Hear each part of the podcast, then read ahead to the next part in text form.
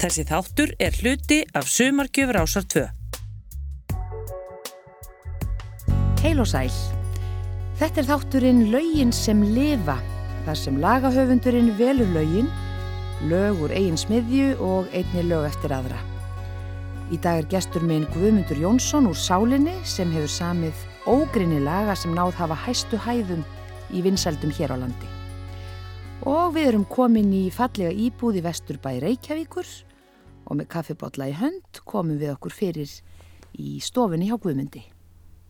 Ég var bara heldtekinn af músík frá því ég var bara lill strákur. Í túninu heima, eins og maður segir. Mm, á Skagaströnd? Á Skagaströnd. Þegar mikla tónlistastað og hérna... Og segir og hlærit bara. já, já. Hérna, ég fluttið þangað þegar ég var fimm ára og, og þar hérna lærði ég að hljófara og svona sko og var bara strax helst ekki því að stofna hljónsveitir og spila. Þetta mm. var bara hlustað á músík öllum stundum. Þannig að Þetta var eitthvað sem lág vel fyrir mig, tónlist. Þannig að ég svo smákaði ekki vera tónlistum að þá og ég ætlaði að vera tónlistakennari. Nú? Já, já, mér dætti ekki í hug nokkuð tíman ég geti orðið poppari. Það, það var einhvern veginn ekkert, ekkert þannig í farvellnum hann að vera norðan að það var eitthvað sem var eftir svona verðt. En, en svona ef maður geti lifað á músík þá var að vera tónlistakennari. Þannig að ég stemdi á það því ég var búið með gagvarafrófið að fara söður í sollin og læra að vera tónmentakennari Þannig ertu læriður tónmentakennari? Nei, nei, ég og þetta flosnaði upp á því. Já, en lærið að piano hérna tíma og svona sko. Mm. Hvað með svona heima hjá þér á Skagaströnd? Var höfð einhver tónlist svona fyrir þér? Já, fæðið minn spilar á, á gítar og, og það var mikið hlusta á músík bara jazzmúsík og countrymúsík og allt svona mikið sungið á mínu heimili, og sættir Já Og hvað var sett á fónin á heimilinu? Já, mér? Mm.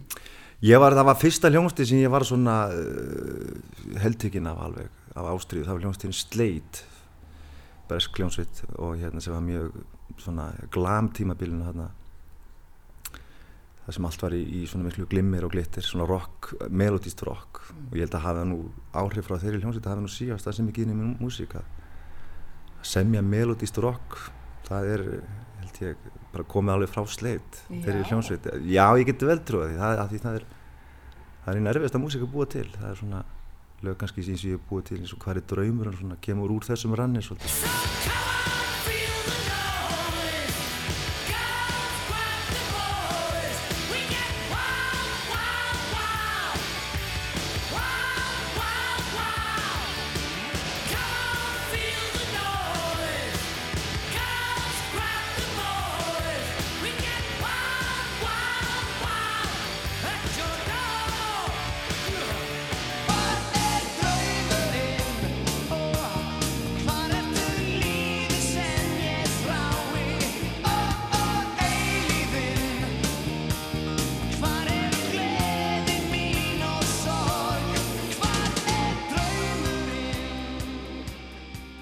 síðan fóðum við þetta að hlusta á, á hitt og þetta og mikið á íslenska popmusík.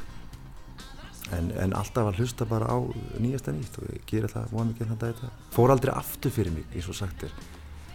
Ég fór ekkert í Deep Purple, Led Zeppelin, þetta var bara eitthvað eldri strákar þegar maður var að hlusta þetta. Þetta var ekkert músík sem ég fílaði, ekkert fyrir setna sko. Ekkert svona þess að ég kalla á tipparokk skilur það sem það allt og mikið líka svona uppgjala kallmennsku í gangi hann Já, ég skil. En sleitararnir voru, voru þín hljónsveit? Já, og svo kom þetta ansið skemmtileg tíðanbíl hann að þegar maður var á þessum mótunur árum 17, 18, 19 þá kom pöngiðinn sko. Og diskóið líka mm. sem ég, fyrst nú ekki síður í tónlistu þarna þótt hann hann aldrei hérna, borðið þessi háttöfu sko en, en þess að þess að tvæði tónlistastefna hafði mikið láhrif á mjög gítarleikara sko. mm, og, hérna, og var kannski til eins og, eins og disco að ég endaði sána sjónsmjöks að ég gæti spila þannig gítarrýðma og einu af minnum uppból hljómsveitum er hljómsveitin Chic sko, sem er bara alveg stórkværslega hljómsveit og, og svona, þannig að þetta var mjög skemmtileg element á þessum árum. Svo kom ég hérna söður sko og fór að, spá mikið í músík. Þetta var alveg eindislegu tími sko þetta, þetta nýbilgjan sko. Mm og e, hljómsveit í hverjum einasta skú sko. og maður lendi þessari ringið svolítið mikið sko. það er mikið lára á Heru, Fyrsta lagið sem þú velur í þættunum það er eh, einmitt eftir gítarleikaran okkur, íslenskan. Já, það er hérna Magnús Eiríksson sem ég til nú vera bara eitt besta lagasmið þjóðrannar og uh, ég hlustaði mikið á hann og, og, og hans músík og við þarna strákarnir fyrir norðan og þetta lag sem ég ætla að spila núna sem heitir Sérgóðrún. Sem heitir, sem heitir þetta Garún sko. en ég, mér alltaf minnist þetta að hérna, mér fannst alveg og finnst alveg æðislegt lag. Kannski ekki dótt spilað aðeins lögum en ég manna að það er hérna mjög mjög ábrendi gítarfrasi, gítarlína sem gengur getum þetta lag og, og mér, já, já. og mér fannst alltaf svolítið stórstundi því að náði að spila þennan frasa sko þá var maður svona að, að læra gítar. Þetta er svolítið hraður frasi hérna í endan sko.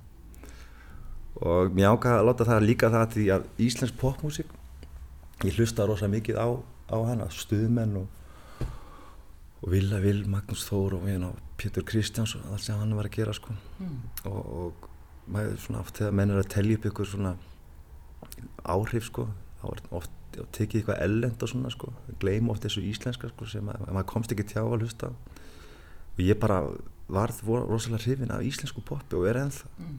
bara, bara stoltur að vera komin í, í í þann hóp skilur því þetta er músík sem maður finnur svo hvernig eh, hefur áhrif á bara sína samtíð og, og hvernig fólk tengir svo mikið að vera íslendingar.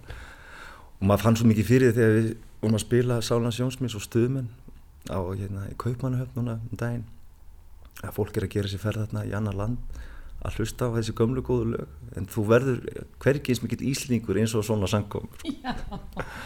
og ég meina við erum fyrir svo mikið að æðisleiri músík sko. og Magnús Eirísson er og, og Pálmi sko, það sem þér hafa gert saman sko, er alveg frábært og þetta lag er eitt af hans betur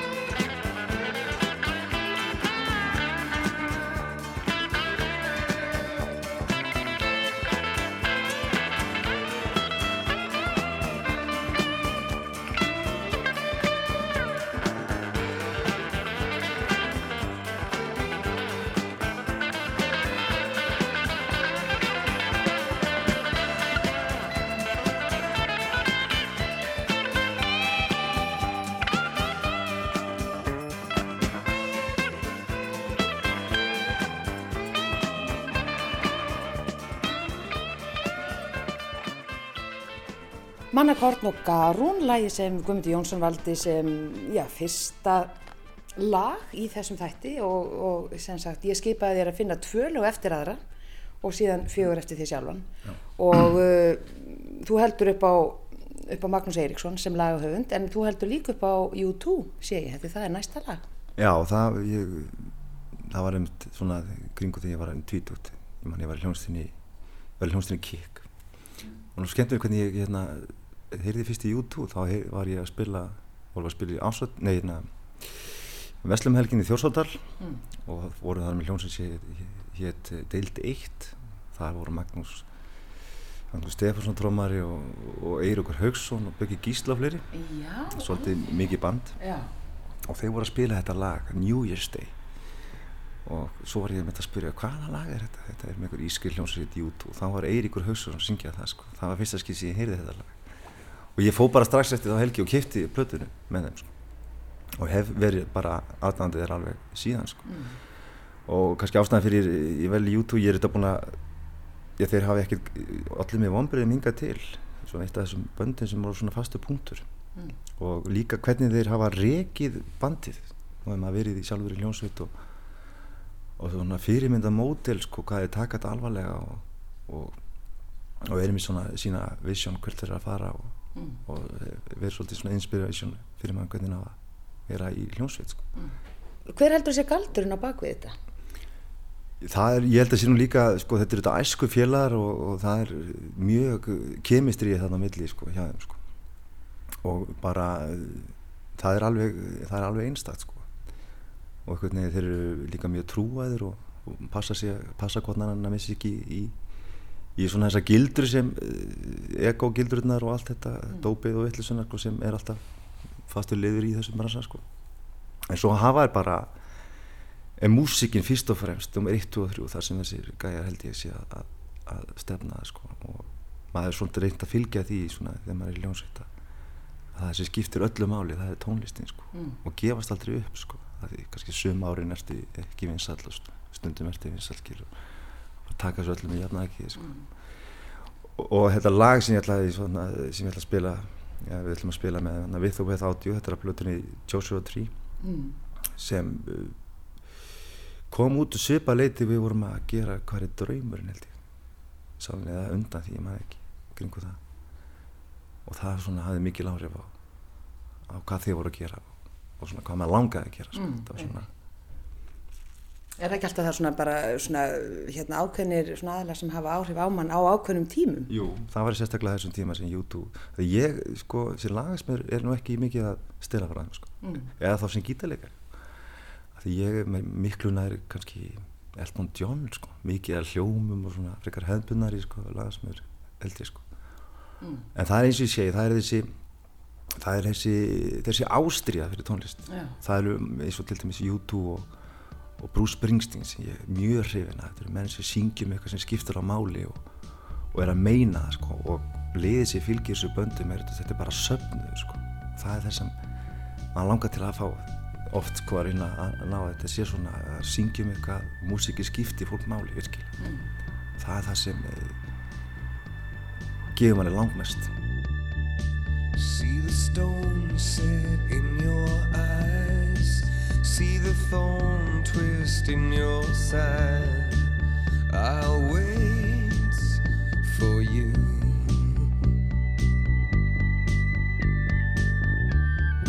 Sleight of hand and twist of fate. On a bed of nails, she makes me wait.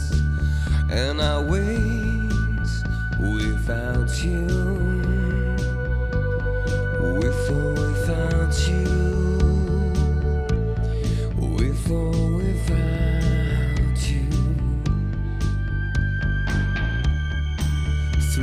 Storm we reach the shore.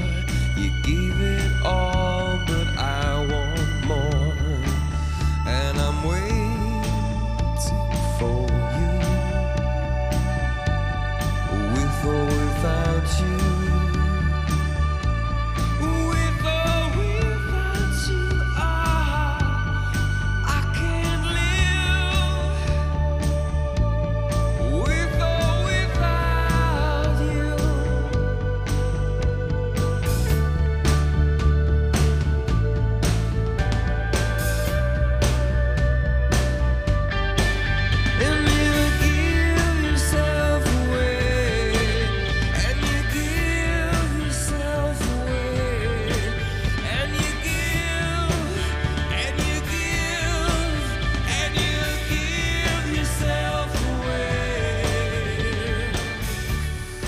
Sálinn byrjaði þannig að, að þetta er svona runnundarefjum Jón Sólússonar hljómbásleikar og, og Rafn Jónssonar heitinn trómara mm.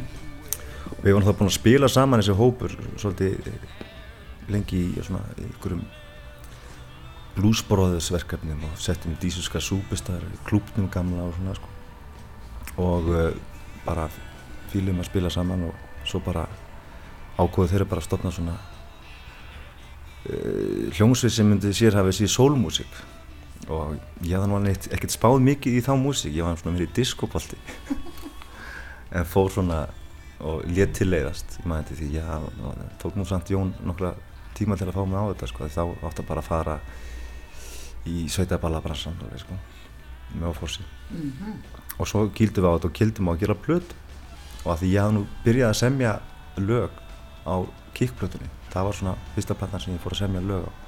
Var það svona að byrja að semja lög 18-19 ára gammal og að því ég hef nú sami lög þar og þá áttu allir að koma með eitt lag.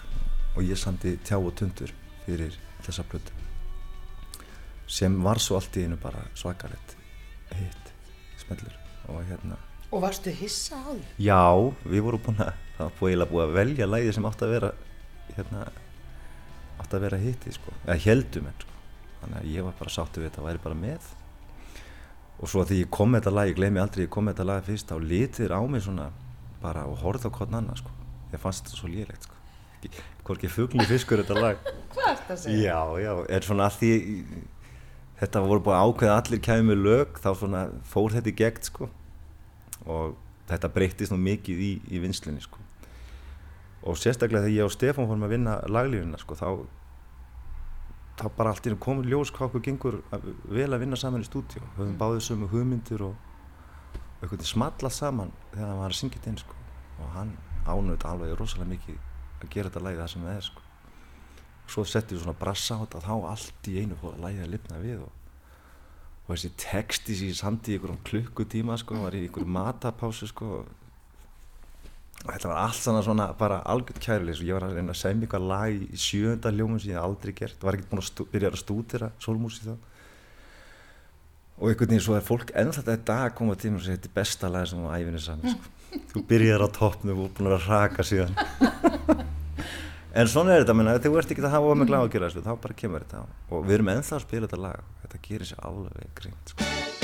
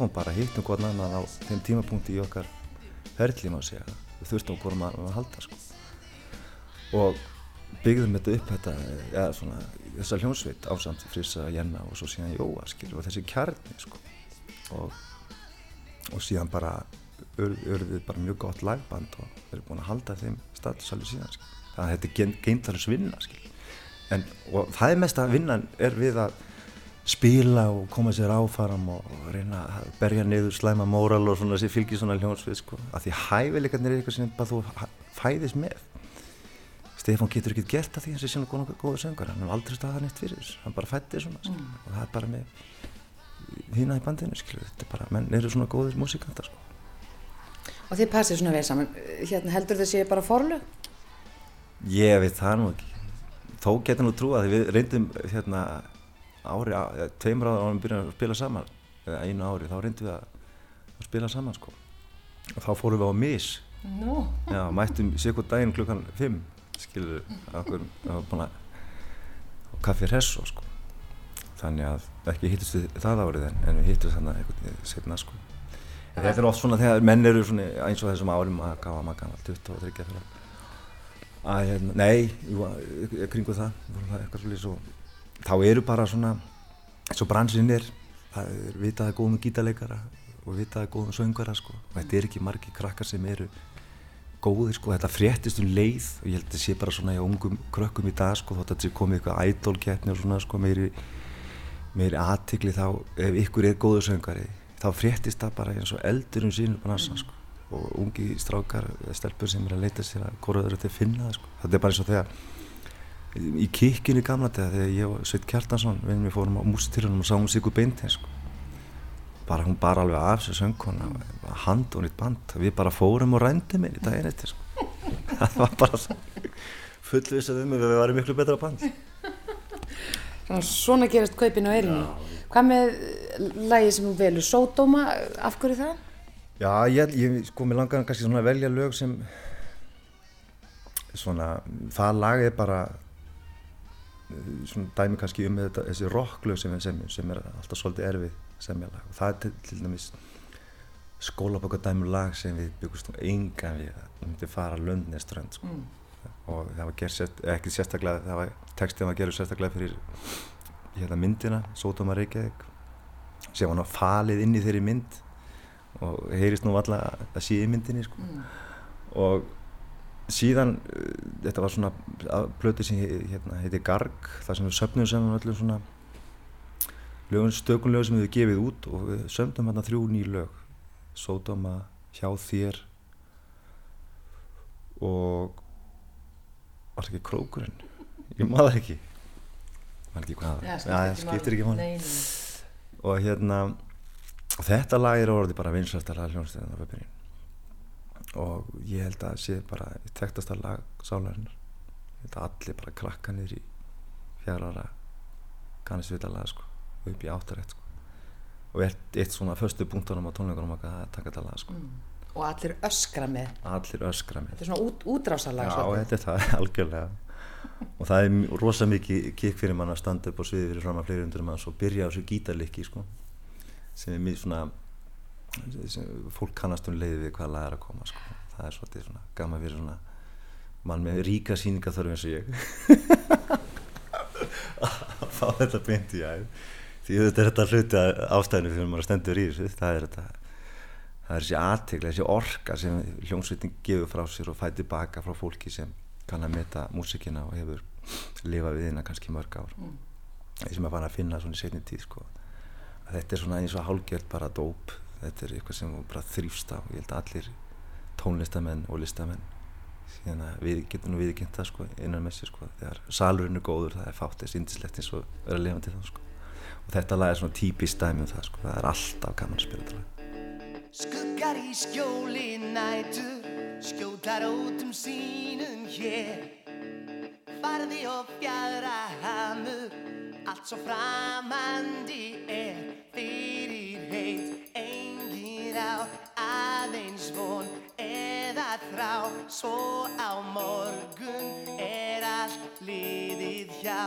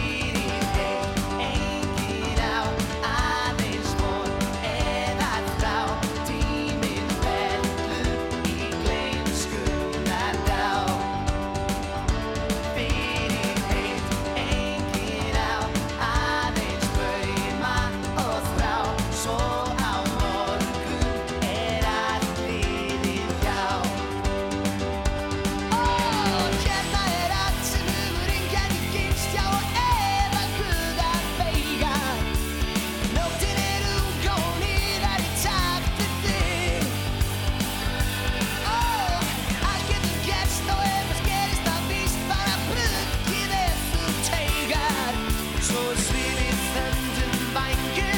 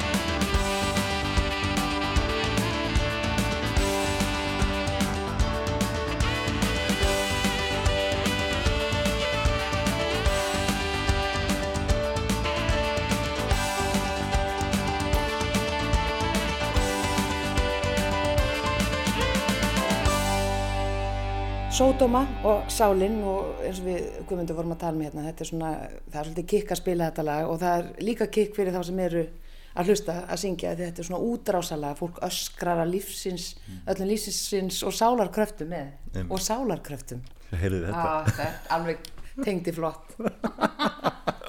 Já, já, um mitt. Já, en uh, þriðja lagið, uh, eða eiginlega sem sagt annað sálarlagið sem það valdir, okkar nótt, af hverju valdur það?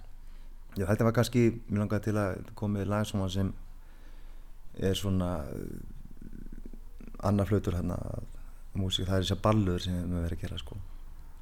Og við nú gert svolítið svona sterkar ballur í tíðin og þetta lag samti ég því ég bjó í London var ég, var nýbúin að, að vera veikur alveg ykkur að þrjá fjóra dag með heiftalega hlens mm.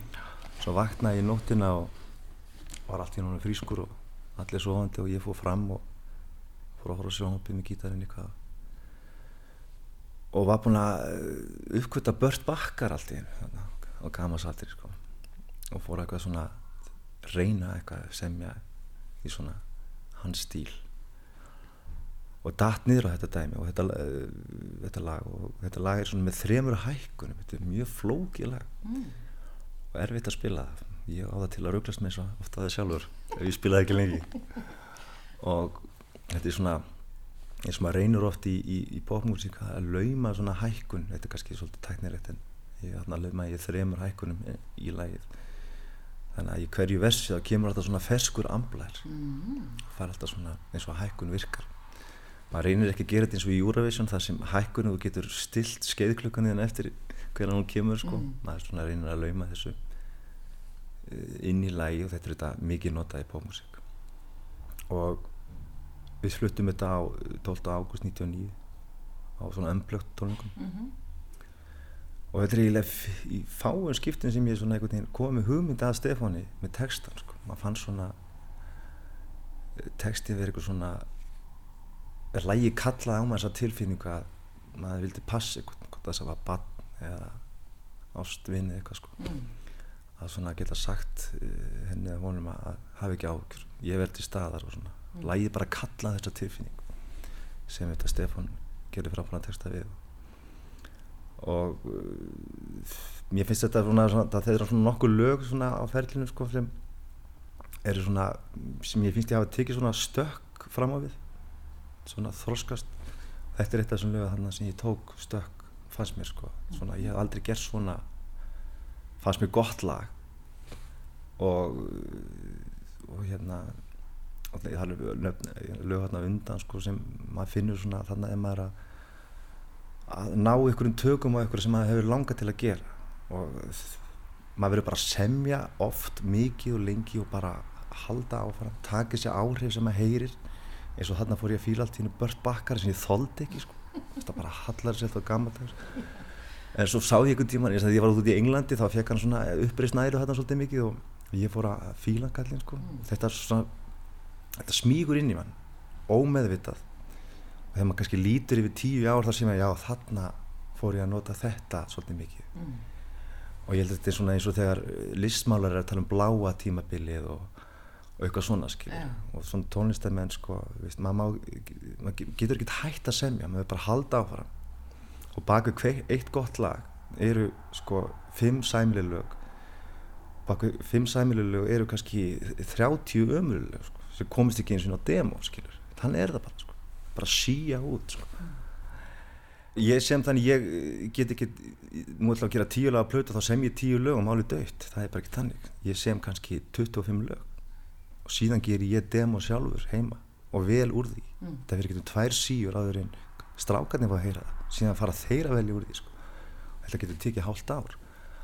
Og og hérna samt hef ég sko svo kannski verið þessi lög vinsalegin sem að hefur verið svo heppin og en ég verið samt aldrei stressað sko.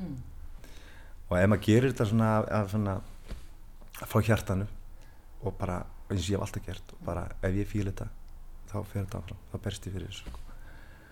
og ég er bara svo heppin það er alveg bönns að liða núti sem fílar þetta líka og sérstaklega sálina sko. og þess vegna hef ég ekki áhyggjur ef ég hef gaman að þessu þá hafa þau gaman að þessu Se, reyni ég að segja mér skil en það er vola, margir bara vist, vist, verður bara stressaður og fara að reyna eitthvað að gera eitthvað, það er bara ekki þú eru bara ta setja, taka heilan úr sambandi og bara hlusta á hjarta þér. Ég veit þetta hljómar er svo klísja, þetta er bara staðrind sko. þannig reyna að semja þessu lög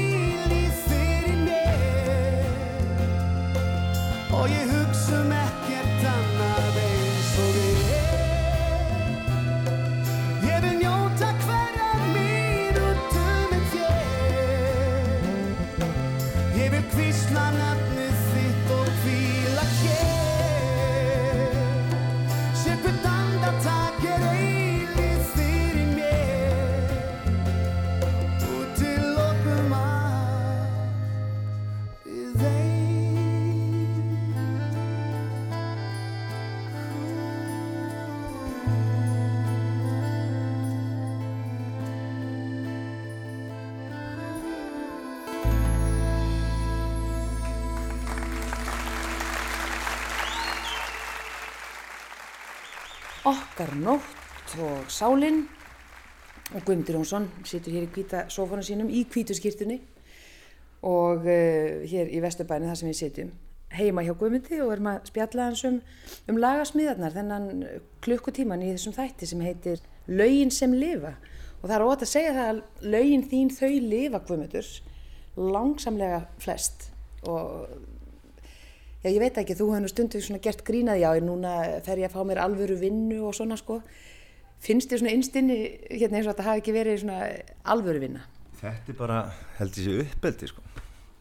Það var hérna, maður þetta ólst upp á skagaströnd svona af, af alþýðu fólki þar sem svona listamenn voru svona kannski ekki að háa um hafðir sko. En þetta átti bara að læra sína yðn og ná sér í sína konu og, og vera bara normal sko. Svolítið svona, var svolítið umhverfið þannig fyrir norðan sko. Og eins og ég segi, ég ætlaði að vera tónlistakennari sem svona allir gáttu að sætt sig við, það var verðið úr vinna. Og ég maður eftir því fyrsta sömari sem ég fór að spila með Sánulega Sjónsmís þá misti ég vinna, var ég að vinna í Plötubú og ég hugsa mér að ég tek nú bara sensin á því að vera aðtunum tónlistamæður sömars og ég, ég var með samvinskupið allt sömarið, gekk rosalega vel. Og ég lifði á þessu mér fannst alltaf ykkur var að koma að mér og pikki í öslinn á mér og segja mér já já guðmyndið minn, helstu virkil og kemist upp með þetta og hérna Ertu ekki búin að leika en nóg? Ertu ekki búin að leika það nú? Þú veist, þú mátt ekki hafa gaman af vinnunni. Þegar maður, maður er búin að vinna í fristurúsum frá úlingsaldri, sko. En eh, síðan hefur það nú breyskilur. Og þetta er nú snúist við. Í dag vinn ég halvan daginn sem tækniteknar. Það er mjög skott að hafa fasta punkt í daginn. Hvað segir sem tækniteiknari? Þú segir mér hans frá því. Já, já, bara fyrir fjórum ára síðan ágæði að læra að vera tækniteknari. Af því ég vildi bara einbeita mig meira að gera mína músík. Ekkert að lifa, þurfa að lifa músíkinni. Mm. það kostar svona mikið að svona alls konar höstli sko. og mér var bara gott að svona fastan punkt í deginn þar sem ég var ekki að fást í músík líka því bara ég er þannig típa að ef ég er að vinna ykkur þá er ég bara 100% tíð Mm. Er fjölskyldan sem sagt búin að sætta sig við þetta núna, þetta starf? já ég held að sé svona síðustu 5-6 árun hefur aðalega móðið mín þess að við þetta hún er mörgið við bjargandist hún er byrjað að leifast að gera þetta Já, nákvæmlega. Það en aldrei liðið betur um hvað, um hvað fjallar það? Bara þína líðan í dag eða hvað? Já, eh, Stefán Hilmarsson gerir nú texta með þetta lag. Þetta er á blötinu undir þínum áhrifum sem svona kom út fyrir tveimur ára síðan. Og við langaðum að hafa þetta lag út af því þetta er svona síðan svolítið svona grúf elementið. Eða svona takt uh, dæmi sko af því Sálunar Sjósmís er þetta kemur úr þessu sól Motown bandariska sólmusík arfleð sko og þegar ég byrjaði því hljómsið þá fór ég fyrst á eina skiptið svolítið aftur fyrir mig og fór að spá í eldri músík sko. var alveg var alveg hugfangin af þeirri músík Mm. og og af, það, ég búið til nokkuð svona, lög og ég manna ég, þetta lag bjó ég samt í eitthvað tíman í kringu 2000 þá vorum við að gera söngleikin sól og mána og vorum við svolítið svona dýbri pælingari músíklega líka og þetta var svolítið of sálarlegt lag við vorum búin að gera nokkuð svona svona grúf eða svona taktfast pop. Mm. og við vorum bara ekki stemtir í það við vorum bara búin með þetta í bíli og, og ég reyndi að, að láta hérna hérna þessar listamenn á Íslandi fá, fá þetta lag. Af því veginn ég afneitaði þarna tíma og hérna og það ég held ég bara hver það voru heilu hljómsveitina sko, og, og þekktir söngarar af listamenn sem bara hlustu á þetta demo sem sungið með þess að við gerum sálingeru demo þannig að þetta var vel flutt. Mm. Það sögðu allir nei sko. Og við eigður hérna útgáfustjóri í, í senu skildum bara ekkert í þessu. Hvað okkur heyri liði ekki hvað þetta lagi gott fannst okkur? Okkur bara skildum ekkert í þessu. Og svo vorum við þegar við fórum að gera þessa plötu undir þínum áhrifum þá vorum við svolítið stemdi fyrir að fara að gera svona bara sálarpop bara fara í það sem við erum bestir og, og svona voru tilbúinir í því að voru búin að vera alveg að gera eitthvað allt annað bara tíu ár. Mm. Eða okkur finnst og, og þar kom þetta lag bara strax og í þessu lagi er svona gítarkabli sem kemur í, í, í, í miðjökablana sem svona fyrir mig gerði lagi það kom bara að vara fyrir slisni til í upptökum sko. og þetta bara er svona e, þessi stíl sem við höfum að geta gert svona músík, geta svona einkenni svolítið sálega sjónsmís að, Stefán er þetta er hérna fáum söngurum hérna á Ísland sem getur sungið svona grúfmúsík svona, hann er svo taktfaskur og, og, og svona flotti frasa hjá hann og við eigum mjög vel gott með að spila svona músík sálega, okkur liggur mjög vel fyrir okkur að gera svona músík og mér langar til að svona að hafa þetta með svona til að sína þessa breytt sem að er að reyna að ná sem lagar Ég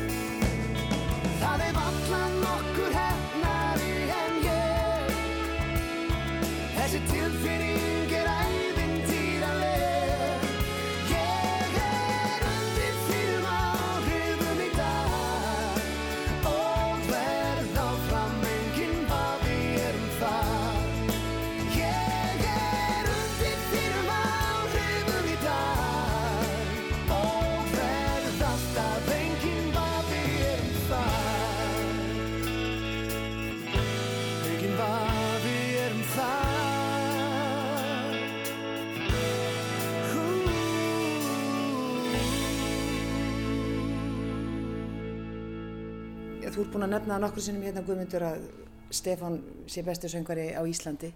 Hérna þetta er svona, svona ykkar svona tónlistar ástarsamband. Já, ástar hattur samband Já, svona eðlilega kannski er þetta ekki alltaf að dansa rósum. Nei, nei, nei, nei En á það geta verið, ég hef oft sagt það að til að gera góða eh, tónlist eða svona góða list það er ekki takt að vera eitthvað kósi og svona sko, þetta eru átök mm. Svo spurning hvað menn, eh, hérna, hvernig menn höndla það sko En við erum búin að vera saman í 19 ár Já. sem er nú mjög langur tími fyrir poppljónsett á Íslandi fyrir svona lítið markað sem er alveg fáránlegt sko. Mm. og líka það að við erum búin að vera starfandi til dælega stöðugt sko. það er hljómsveitir að koma og segjast þeirra 10-20 ára gamlar störfuð svo kannski ekki þetta neinu viti nema í fjögur ár sko. Mm.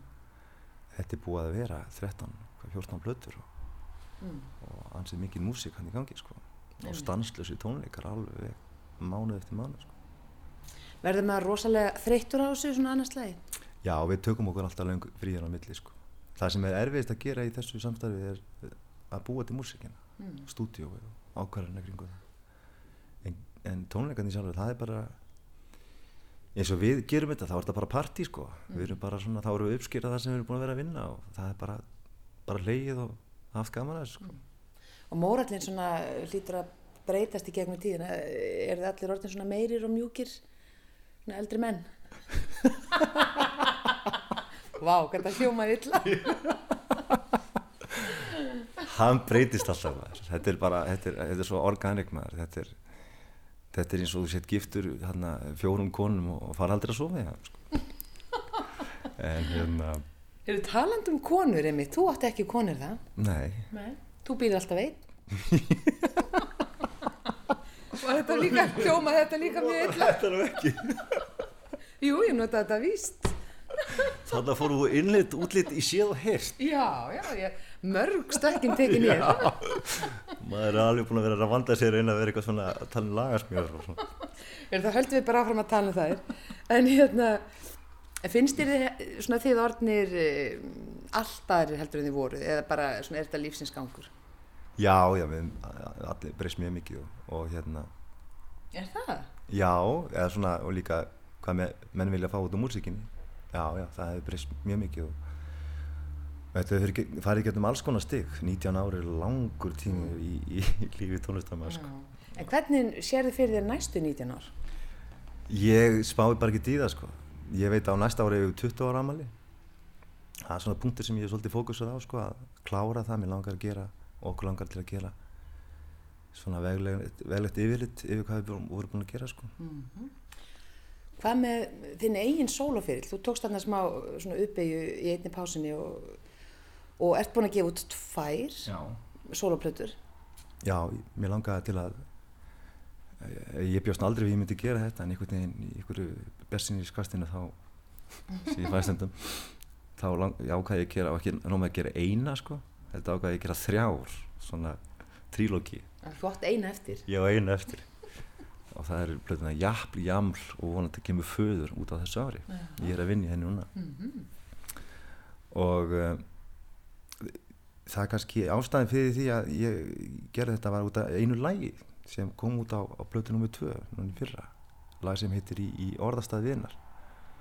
Þá var ég beðin um að semja lag fyrir dóttur vina mín sem lést sviplega fyrir 14-15 ára síðan og hérna sem var að fara að fermast.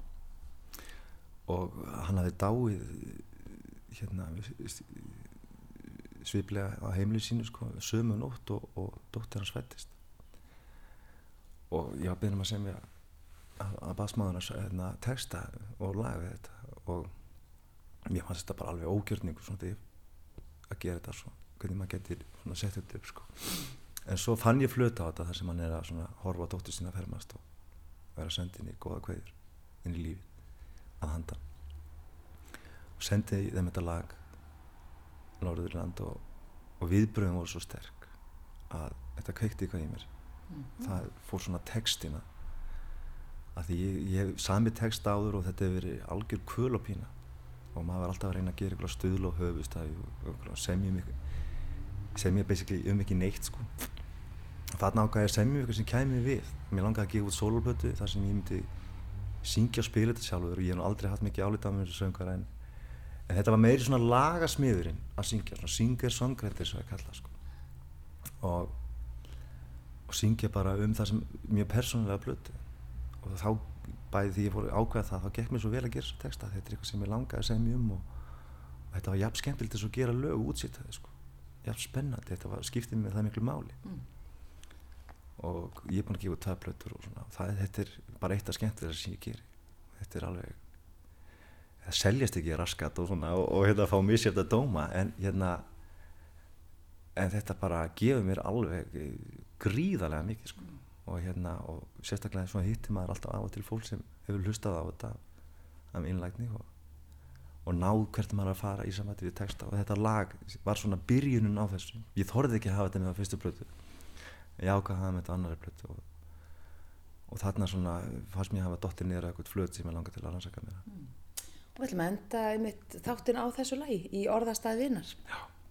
Flott. Kæra þakki fyrir spjalligumundur Takk fyrir mig, og gangið er vel. takk sem er þess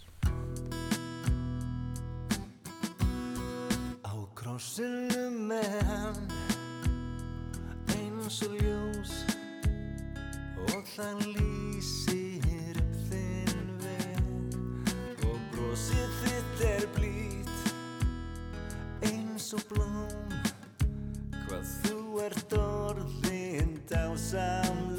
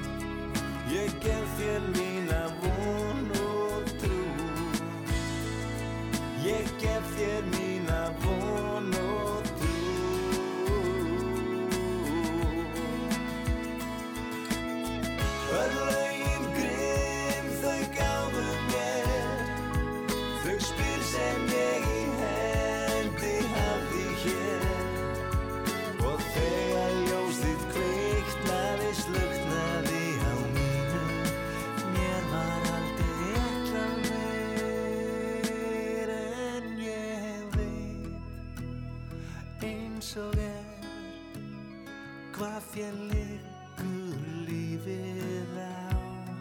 Í gegnum súrt og sætt eins og allt reyndu jafnvægin að ná. Ég vil þú gætir sér fundi fyrir hver stoltur ég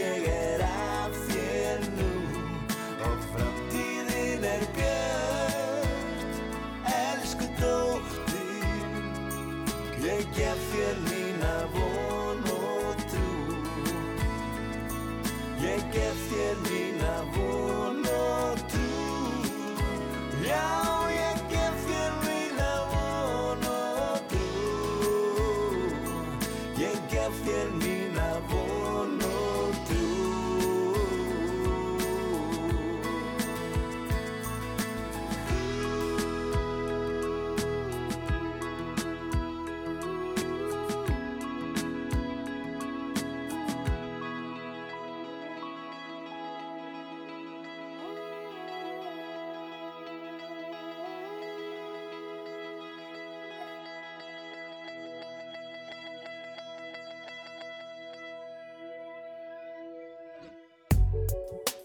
Þessi þáttur var hluti af Sumargjöfur Ásar 2.